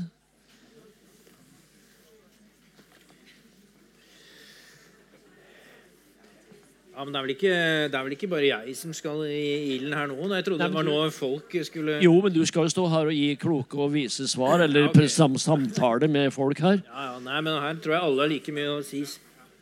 Så da åpner vi. Vær så god. Og noen må da bryte lydmuren her som første innspill. Det fins ingen dumme spørsmål. Her har vi første. Vær så god. Og så får du mikrofonen. Hva er egentlig forskjellen på arbeid og lek? Det er et spørsmål til meg. Ja. åpenbart. Ja. Det er, det er fordelen av å ha skrevet en bok, for da kan du bare slå opp der hvor det står. Akkurat som de gjør i Bibelen. Jeg vet nemlig at jeg har skrevet noe om det der. Så mens jeg finner det, så kan du jo bare ta et spørsmål. Skal jeg ta et spørsmål til? For jeg, jeg, vet jeg har noe nemlig veldig treffende om det der. Jaha. Ja, Vi venter heller på det. Så har vi det temaet i lufta her. Ja. Eh, jeg vil gjerne jeg vil ha et spørsmål med en gang, eller eh, bare gjøre klart? Er du like før du har arbeidet og leken der? Eh, ja, jeg vil gjerne høre mer om hvordan du hvordan du får mer resonans i ditt liv, eller hvilke valg du har tatt i ditt liv for å i den, ja, i den forstand at du har ønska noe annet enn i, i, verdens rikeste land? Da har du to ting. Arbeid og leken, og så resonansen i ditt liv. Ja, nei, Det er jo det jeg har skrevet eh, den boka mi om, da. Så eh, du må nesten eh, lese den, men jeg kan selvfølgelig fordi den er bygd opp sånn at det jeg har snakket om nå, det er annethvert kapittel er liksom de tanker og refleksjoner og research og bøker. Annethvert kapittel er praksis, altså livet mitt. Ikke fordi det er viktig hvordan jeg lever, men fordi det er et eksempel på en som prøver å bryte litt med de mønstrene som jeg har snakket om, og for så vidt kritiserer. da. Fordi jeg flytta jo ut av byen, ut av Oslo, for, for, å ta over et småbruk som har vært i familiens eie, og der slå meg til som en hobbybonde og, og forsvare meg mot uh, påstander om at jeg skulle leve det gode liv kun, og leve uten å betale skatt, uh, uten å bidra til fellesskapet. Fordi jeg tjente mindre enn jeg gjorde før. Uh, så ja, men eh, hvordan jeg eh, Hva var det du lurte på, egentlig? Hvordan jeg får eh, resonans, ja. Nei, men jeg klarer jo ikke det så mye, jeg heller. Jeg er ikke noe mester i resonans fordi jeg skriver en bok om hva som må til. Jeg er ikke noe, er ikke noe Arne Næss heller. Men jeg, jo, jeg fant det der som står om arbeid og lek, fordi det er veldig interessant. Fordi det er en sentral del av teorien til han som skrev boka 'Flow'. Han som fant på begrepet 'flow'. Alle har hørt om det begrepet, sikkert. Det var jo en uh, ungarsk professor med et uhyre vanskelig navn. Mihaly Csikszentmihalyi. Ja. Han skrev boken 'Flow' og en bok som het 'Beyond Boredom and Anxiety'. Der ligger det mye bare i den tittelen. Fordi bortenfor kjedsomhet og engstelse så finnes enjoyment, da, sier han. Glede. Og det oppnår vi ved å bruke våre ferdigheter og føle personlig utvikling. Og det, sier han, kan like gjerne skje i arbeid som i lek. Og det vi må innse da, er at arbeid ikke nødvendigvis er viktigere enn lek, og at lek ikke alltid er morsommere enn arbeid. Det er litt finurlig sagt. Og Derfor, sier han, i forlengelsen av det, så er det verken mer penger eller mer fritid som er gode mål på menneskers tilfredshet. Hvor mye fritid vi har, det viser først og fremst forbruksmønstre, mener han. Altså Mengden av påhengsmotorer, tennisspillere og teaterpublikummere forteller oss egentlig ingenting om hvor mye tilfredsstillelse folk finner i livet sitt. Det som er avgjørende, er muligheten til å føle en mestring. da føle en, eh, en, flow. Men dersom gleden gjennom aktiviteten selv, enten det er lek eller arbeid, blir vanskeligere å oppnå, en eller annen grunn, da sier han, vil menneskene lett søke mot nytelse eller arbeide hardere for å oppnå ytre belønninger som status, makt og penger, hvis det er vanskeligere å få den indre tilfredsstillelsen, som du altså kan få like gjerne i arbeid som i lek, mener han. Så noe bedre enn det tror jeg ikke jeg kan svare. Nei, altså Poenget er vel at det kan jo være det samme. Altså, det kapitlet hvor jeg skriver om det, det heter uh, altså 'Å snekre et hønsehus uten å være snekker'. Og Der er det jo nettopp det det handler om. At jeg finner en veldig stor glede i å snekre det der hønsehuset, selv om jeg ikke er så veldig god til det og ikke kan det, men jeg klarer å få det til. Og kjenner en veldig mestring og glede og står faktisk opp om ikke fire, så i hvert fall seks om morgenen for å begynne på arbeidet neste dag. Men er det da arbeid eller lek? Det kan man jo spørre om. Det er i hvert fall noe som gir meg veldig mye der og da mens jeg holder på med det. Ålreit. Da går vi videre. Der er han bak der. Bare rekk opp hånda, så skal jeg prøve å merke meg det, slik at jeg kan få en slags rekkefølge på det. Ja. Uh, hei. Det er, på, det er, både en kommentar og et spørsmål. Eh, fordi måten du beskriver resonans på, så høres det for meg ut som en, en tilstand vi søker da, å være i. Eh, og at det er veldig knytta til individet. Men så sier du at vi må jobbe på større samfunns- og politisk nivå. Så ja, at det er en liten dobbelthet her der, selv om det selvfølgelig henger sammen. Men spørsmålet mitt går egentlig mer på løsning og hvordan man kan få til denne resonansen. Da. Du nevnte kortere arbeidsuke eller kortere arbeidsdag. Um, men hvor, ja, hvilke flere tiltak kan man sette i gang, og hvordan stiller du deg til uh, borgerlønn? Ja, ja, borgerlønn er også med i boka. Jeg skriver et halvt kapittel om det, tror jeg. For det er jo mange som mener at det kommer til å presse seg fram som en, et nødvendig onde eller en etterlengtet frihet. Eh, jeg tror at det er ganske uaktuelt i Norge å komme med borgerlønn. Eh, fordi det er vel regnet ut at hvis vi deler alt som er av trygder, og legger i en pott og deler ut til hver og en av oss, så vil vi få noe sånt som 50 000 kroner å leve for. Så det sier jo litt om hvor utrolig dyrt det er å gi borgerlønn som du kan leve av til alle. Eh, men Det er veldig mye mer aktuelt i fattige land. Men det kan bli aktuelt i rike land også, er det mange som mener, hvis den teknologiske utviklingen og robotiseringen slår til, som, eh, som noen tror. Fordi hvis det blir en situasjon hvor maskinene blir så effektive og tar over så mye at det blir massearbeidsløshet eller arbeidsløshet på 30% og sånn, så vil ikke da vil samfunnet stoppe opp, og kapitalismen vil eh, få store problemer. Da, for Folk har ikke penger til å forbruke lenger. Så da vil det være i kapitalismens egen interesse å sørge for at uh, en form for borgerlønn da, til alle.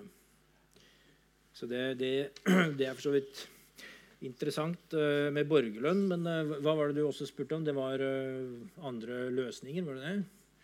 Eller hva som hva som skulle, hvordan det kan oppnås. Nei, altså Grunnen til at jeg er såpass opphengt i kortere arbeidstid, det er jo fordi at jeg mener at det er det mest realistiske Eller den, den en, en, enkel måte å gi folk mer selvfølgelig tid, det sier seg selv, men uh, som, en, som, en, reform, som en retning da, på hva som, uh, så er det alltid sånn at mange mennesker vil uh, jobbe mye mer, selv om de får betalt. Altså, men det er ikke noe problem. Folk kan jobbe så mye de vil, men det er, det er hva, hva, som er normal arbeidstid, hva som er det man får betalt for, selvfølgelig. Er, det er også det som gjør det til et miljøproblem, at folk skal ha stadig mer, mer penger i hendene. Som, må, gjerne, må gjerne jobbe mye, og mange kommer til å gjøre det, men kan ikke få betalt for alt sammen.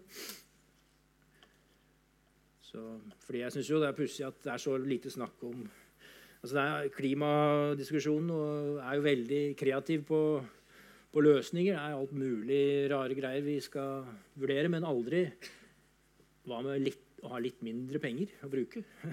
Kunne det vært en idé? Der har vi det er mikrofon dit, deretter her.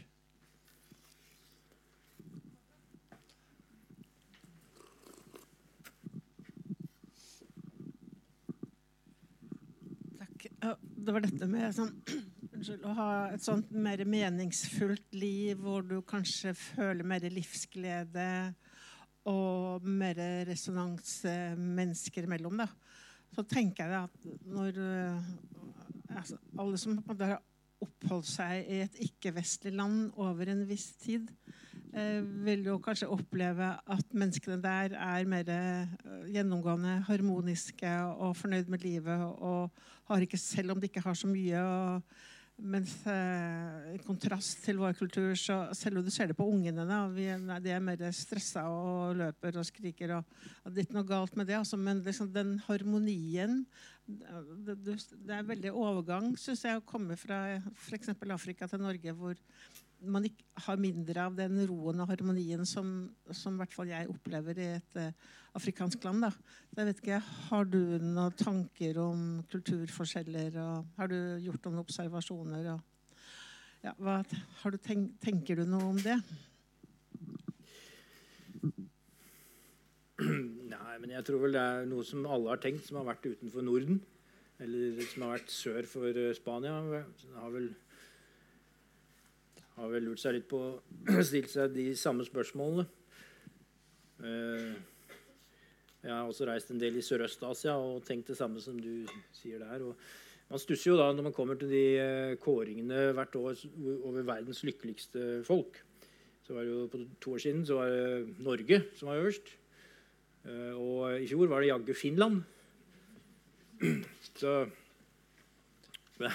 man kan jo lure på hva det er for noe med de kåringene. Hvis man går litt inn i det, så ser man at det handler, det handler ikke egentlig om lykke, sånn som vi tenker på lykke. Det handler mer om eh, ja, hvordan, eh, om folk har et eh, godt liv ut fra materielle målestokker, om hvor fornøyd folk er med tilværelsen. Og de blir spurt på, på, fra 1 til 10 hvor fornøyd er du med livet ditt. Et eller annet sånt.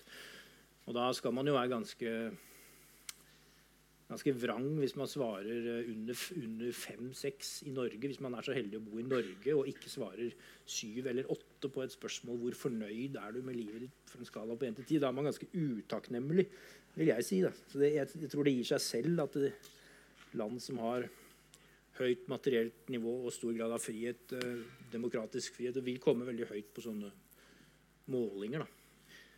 Uten at det har så mye å si uten, med, med den, for, den, lykken som du kanskje sikter til, harmonien eller livsgleden, da, som er med sånn Vi er jo ikke akkurat kjent som smilets rike her i, her i verdens lykkeligste land. Da har vi her første rekke. Eh, kapitalismens eh, forutsetning er jo økt produksjon, og det vil si økt forbruk. Hvis vi skal jobbe mer så, og tjene mindre, så sprekker jo den. Hva er alternativet? Jobbe mer og tjene mindre? Den var streng. Nei, jobbe, jobbe, mindre og tjene mindre, var det jeg mente å si.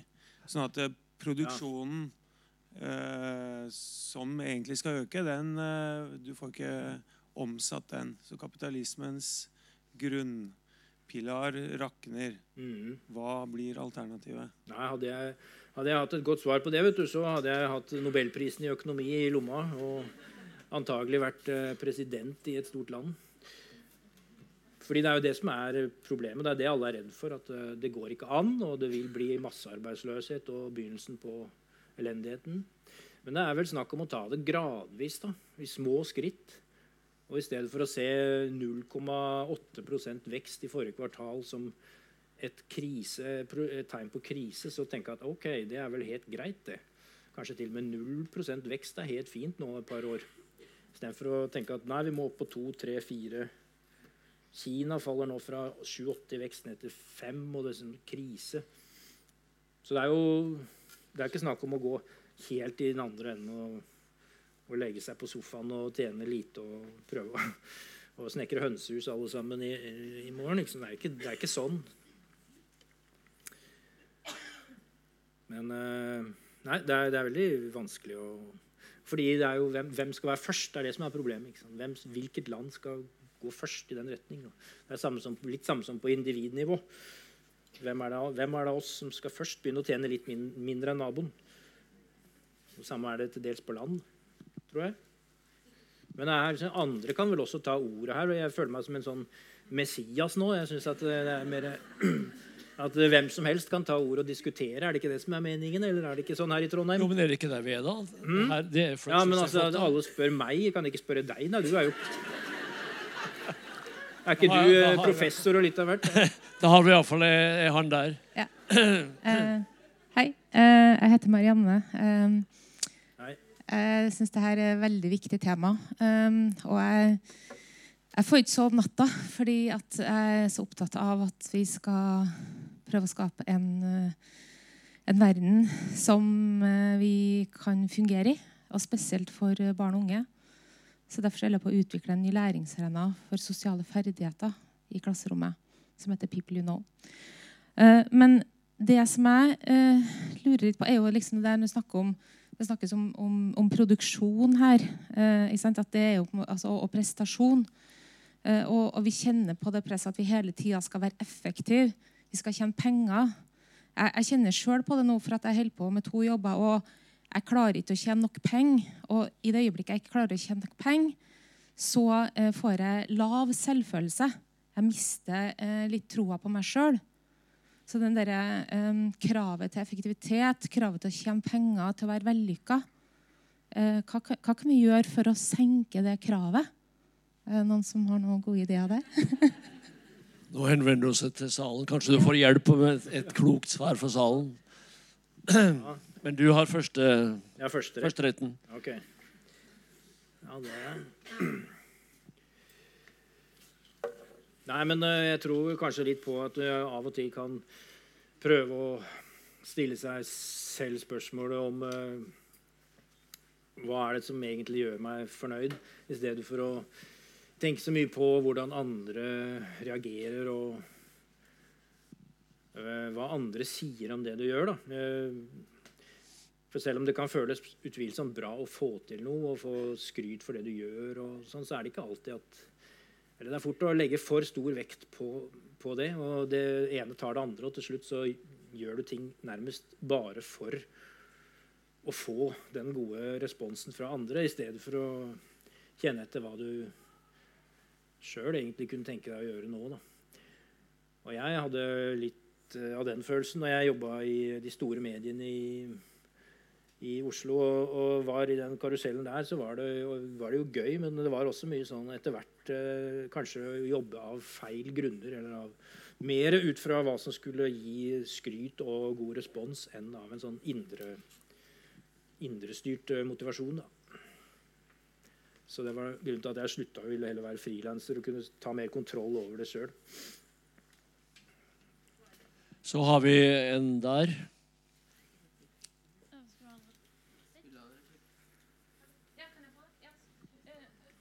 Ja, det var bare uh, svar på det. Ja, for jeg tenker at uh, Her ser vi jo veldig tydelig i sosiale medier. Altså uh, det med Du legger ut noe, og så får du respons, og så føles det så godt. ikke sant? Det er instant gratification, som man sier på engelsk. altså umiddelbar respons, feedback. det gjør noe med oss, og så drives vi videre. Um, men, men, hvis du legger ut noe som virkelig betyr noe for deg, eller kanskje vil dele en artikkel eller en litt lengre tekst, ikke et bilde, så kanskje du får en like. Uh, man, man, orker ikke å lese den artikkelen. ikke sant? Man bare scroller og scroller og scroller. Du, du nevnte det med katter. Det syns jeg var litt artig. Altså, se på en katt.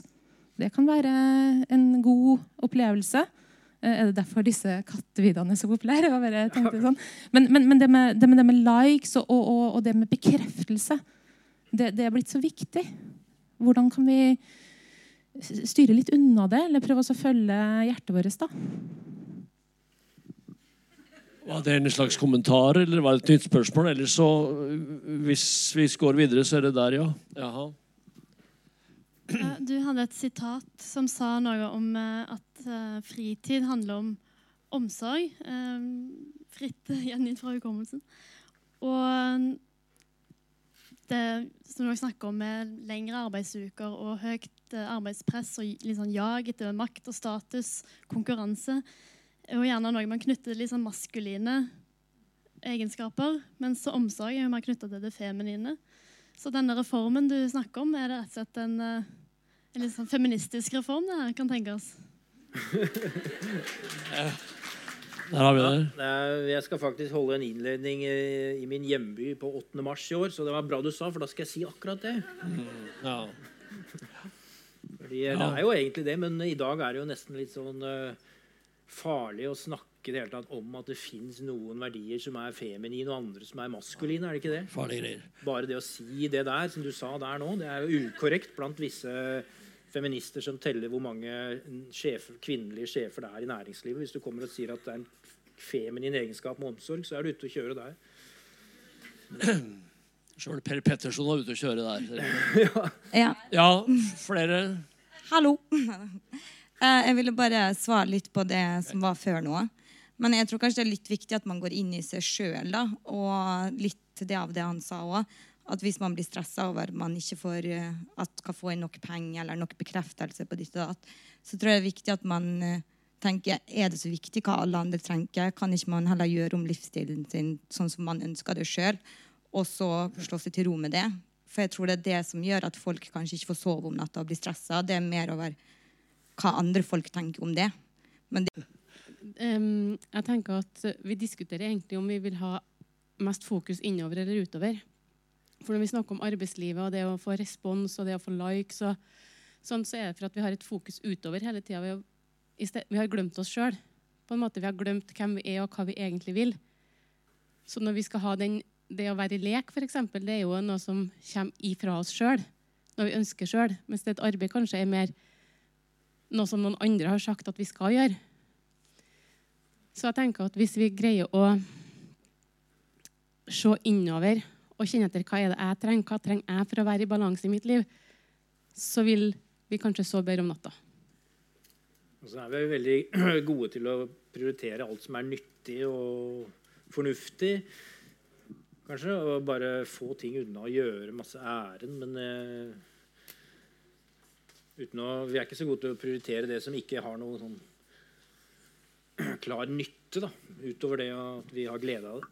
Jeg tenker på at liksom barn i barnehagen og sånn, liksom, de higer etter eh, å bli sett da, og møtt. Og det er også alle mennesker vi ønsker å bli sett. Og så det å bli sett og det å møte, det er jo resonans. Da. Så det er jo liksom en sånn trend i samfunnet, det òg, tenker jeg, som på en måte vil gjøre en forskjell, da, hvis vi klarer å vektlegge og gjøre noe med det.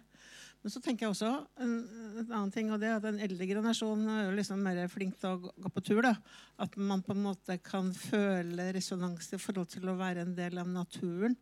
Men, men eh, det er kanskje ikke den, Jeg vet ikke hvordan den yngre generasjonen ser på, på det. Da, men det er absolutt en sånn viktig problemstilling at man kan være i ro i naturen og nyte det. Da, tenker jeg. da. Ja, Det er et kjempestort felt vi har. altså Fra å puste rolig og til relasjoner og til produksjon og klima og, og, og kapitalisme. Det er vanskelig å, å, å gripe. Her har vi iallfall en stemme. Vær så god. Uh, hei. Um, I forhold til det folk sa om uh, sosial bekreftelse og liksom det å få sosial bekreftelse uh, fra sosiale medier og gjennom arbeid og jeg er litt uenig når folk sier at oh, ja, bare se på det indre. Du må bare fokusere på deg sjøl.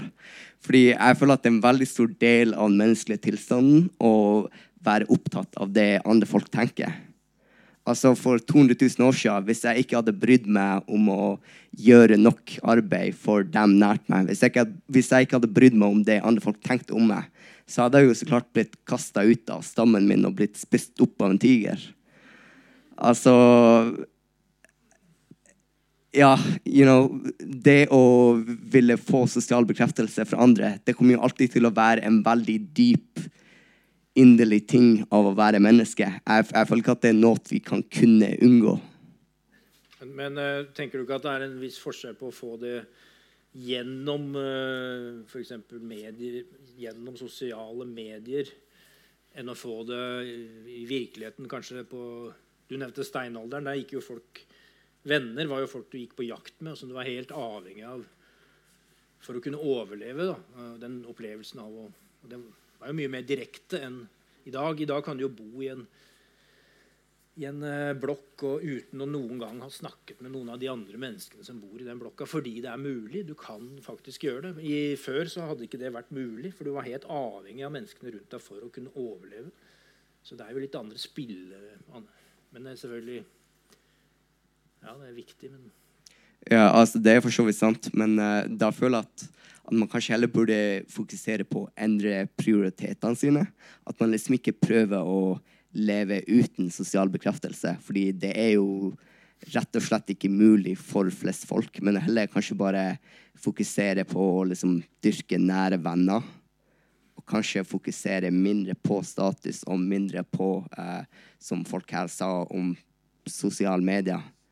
Ja, det er vel De aller, aller meste av lykkeforskningen tror jeg ender på det at sosiale relasjoner er liksom det viktigste tross alt for folks uh, hvor fornøyd de er med livet sitt. Um, ja, det var noe annet jeg tenkte på, men uh, ja, bare fortsett. Vi har to her nå. Nå har de aktivisert seg her på motsatt fløy. Det er en bak der. Og ei ved søylen her. Hallo. Ok, ja. Vær så god. Du må nesten reise deg, da. Hei. Nei, det er to ting. Jeg er fra Spania, først og fremst. Hallo. Og så jeg har hørt flere ganger si noen nok penger og nok bekreftelse. Og det, hva er nok? Det er det jeg lurer på. Og det er opp til oss hva som er nok. ikke sant? Og så jeg syns at i Norge finnes det relativ fattigdom, tror jeg det heter. Vi alle har mat, og vi har veldig mye. Og at vi ikke kan ha det alle de andre her, betyr ikke at vi ikke har nok.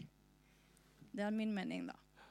Og så vil jeg si med det nok bekreftelse. Er førskolelærer, jobber på barnehage. Elsker jobben min. Jeg, jeg føler jeg bidrar. Men jeg tror det vi må starte med å gi bekreftelse til de vi har nær oss, og de viktigste vi har, og familie og nære venner og barna våre.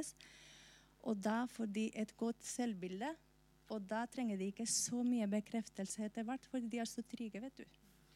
Så start der. Ja. Tar det i manus. Og så bak der, ja. En liten eh, kommentar til det med borgerlønn, som du eh, sa. At, liksom, du sa at det ble for dyrt i Norge. Eh, nå er ikke jeg noen ekspert, men jeg ser for meg at du må kunne måle eh, kostnaden med borgerlønn direkte i eventuelt at vi jobber mindre. ikke sant? Så en mer kostnad vil jo være at, vi, at det blir produsert mindre, for eksempel, til syvende og sist. og du vil jo at vi skal jobbe mindre. Det er jo målet ditt, ikke sant? Så da skjønner ikke jeg helt hvordan det kan være for dyrt. Eh, samtidig, altså Jeg er enig med deg for så vidt at jeg vil at vi skal jobbe mindre. Men det er jo en kostnad som vi må ta. Og som du sier, så skal vi jo eh, også forbruke mindre penger. Eller kjøpe oss mindre ski. Og, ja, ja uh, jeg skjønte nesten hva, hva du mente. Men det som jeg mener, da, det er vel at vi hvis vi jobber litt mindre, så kan vi også dele mer på de jobbene som fins. For i dag så er det sånn at noen jobber veldig mye, eller mange jobber veldig mye, mens ganske mange jobber ingenting. Og hvis vi mener at det å ha en jobb er et gode, så burde vi i større grad dele på de jobbene som fins. Og da bør standard arbeidstid kanskje heller ned enn opp. Fordi og hvis den går opp, så blir det enda vanskeligere for de som står utenfor, å komme inn i arbeidslivet. Så det er mer det som er min uh, måte å se det på. Og borgerlønn Jeg er ikke, jeg er ikke motstander av, av, det, for så vidt. Men altså, det, man må også være litt realistisk på hva som er mulig å få til i, i, i, det samfunnet man bor i. Og jeg tror det er mer realistisk å jobbe for en, en, at noe av uh, veksten tas ut i kortere arbeidstid enn borgerlønn. Fordi, altså alt er jo for dyrt. Det er jo bare relativt. Du, du, kan jo si at ok, vi har jo milliarder i oljefond, og vi bygger en ny vei mellom Ålesund og Molde som koster 40 milliarder. Så vi har jo, vi har jo råd, men altså Skjønner du? Det er, ikke, det er, det er politisk umulig da, å få til. Det forutsetter jo at du har noe å jobbe med da, som gir et bidrag til, til fellesskapet. Det er, ikke, det er, vel det motstandere av borgerlønn tror. At uh, hvis alle får en viss sum, så det, vil det virke dempende på arbeidet. Men det tror ikke jeg. Jeg tror ikke at folk vil legge seg på sofaen og, og drikke øl midt på dagen om de får borgerlønn. Det blir de fort lei av. Jeg tror de fleste ønsker å jobbe. Ja, da har vi to der, og da tror jeg det blir de to siste. Her først, og så bak der, ja. Ja, fordi jeg, jeg kommer med et oppfølgingsspørsmål på, på borgerlønn. Jeg, at jeg, jeg fulgte egentlig ikke helt regnestykket ditt. Fordi man trenger ikke å få den gamle lønna si oppå borgerlønna. Man kan trekke fra borgerlønna fra, fra lønna Uh, I dag så er det jo faktisk et omvendt system, nemlig at uh, de første jeg vet ikke, ca. 100 000 du tjener, betaler du ikke skatt på. Så i dag har vi jo et omvendt borgerlønnssystem. Så man kunne jo ha uh, retta av den ulikheten med, med, hvordan man fordeler skatteprosenten. Ja, Det fins veldig mange forskjellige modeller å, å, gjøre det der på. og Det er et sånt prosjekt i Finland nå som er tester ut, så vi kan jo se hvordan det går. Men uh, ja, vet ikke om jeg skal si noe mer på det. Siste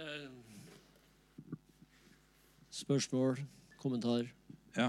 Uh, nei, det handler om politikk. da. Eller jeg synes Det politiske aspektet ved dette er kanskje det mest interessante. da. Fordi det blir snakka om eh, ja, økonomi og hvordan skal vi løse det. Men uh, jeg synes ofte paradokset her, da, jeg tipper at alle som sitter her, er ganske sånn enige. da. Jeg tror at Hvis du først møter opp her, så er du enig i det budskapet som kommer.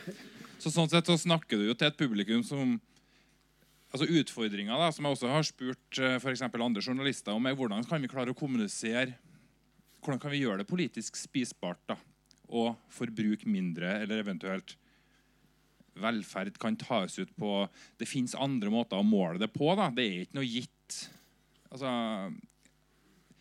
jeg, jeg, mister litt sånn motet, da. Fordi du kan eh, nok sikkert få gode diskusjoner rundt bordet her. og så dem du egentlig har lyst til å diskutere med. Hvilket språk kan du bruke? eller virke, Opplever du at du møter Opplever du at du får eh, resonans på en annen måte da, til dem som kanskje trenger, trenger, det, trenger det?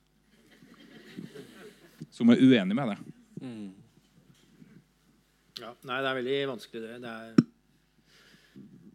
jeg er helt enig. Og i, i, Norge så er det vel egentlig bare uh, Miljøpartiet De Grønne som har det som uh, politikk.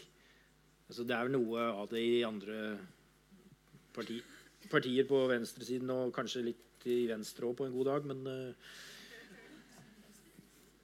Men uh, det, er, uh, det, er, vanskelig fordi økonomien er det som styrer, og den er Det er ja, det er frykten for arbeidsledighet og at blir, kaka blir mindre, som de sier, som styrer det meste. Så, men eh, det er vel kanskje Kan det ligge et håp i denne Et håp i det mørke, i klimatrusselen? Jeg vet ikke. Eh, etter hvert som desperasjonen kommer til å bli større og større, så kan det tenkes at det blir en større forståelse for at hmm, kanskje det er rett og slett feil av oss å kunne fly til eh, Spania en gang i måneden. Kanskje er det rett og slett etisk forkastelig, og vi må må bare gjøre det annerledes. og Vi må begynne å rasjonere. og vi må, vi må, ha en helt annen måte å tenke om. Det kan hende at vi kommer dit. Da. Men uh, igjen, hvem skal være først? Da? med Trump og dette, hvem skal, begynne, hvem skal begynne? Nå skal du til slutt få et spørsmål som du kanskje ikke har fått før. Eller en påstand som, som du ikke har fått før. Jeg tenker at egentlig så må vi vel arbeide mer og kjenne mindre. Fordi at klima er jo et resultat av et overforbruk av energi. Og robotisering og maskiner som altså krever energi. Og hvis vi skal senke energiforbruket, så må vi altså over på mer manuelt arbeid. Altså arbeide mer og kjenne mindre. Ja. Ja, det er jo et eh, Det er ikke noe lettere budskap å få gjennom, men uh, Nei da, det, var det, det var derfor jeg venta med det. Nei da, det er ikke, Men du, du skjønner resonnementet? Jeg skjønner, ja. ja Det her er fysikken. Det her er fysikken. Det har egentlig mye for seg, fordi uh, hvis du f.eks. økologisk landbruk er mer arbeidskrevende, ikke sant? Så du må men da, da, Problemet i våre økonomier er at alt blir tenkt på som effektivitet. Og det er ueffektiv måte å produsere på. Og dermed så rasjonaliserer vi hele tiden arbeid bort, mens vi egentlig burde beholde mer av eh, det manuelle arbeidet for tanke på oss, den enkelte. Men uh, ja. Nei da, det gjorde ikke noe lettere. Det viser bare hvor vanskelig det hele er, og hvor stort spekter det er. altså. Det får vi leve med. Og så syns jeg det var en veldig fin samtale altså, med salen og med Simen. Så Men det går an å arbeide mer uten å få betalt. Og så går det an å gjøre en annen ting, som er det siste poeng, at frivillig arbeid. Det slår jeg et slag for. Ja. ja. Jo, det, er gata, det er også litt deg som snakket om betydningen av det sosiale, for det kan du også få der ved å melde deg på til frivillig arbeid. Og da kan du også få følelsen av å få mer tid enn du egentlig har. For vi føler plutselig at du har brukt tiden på en veldig god måte. Nei, men da, da tror jeg vi avrunder her. Jeg har begynt å, å klemme på forlagsholdene.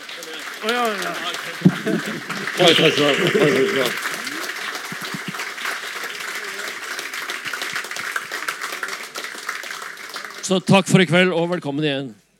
Og gå i fred. Og gjerne innpå der.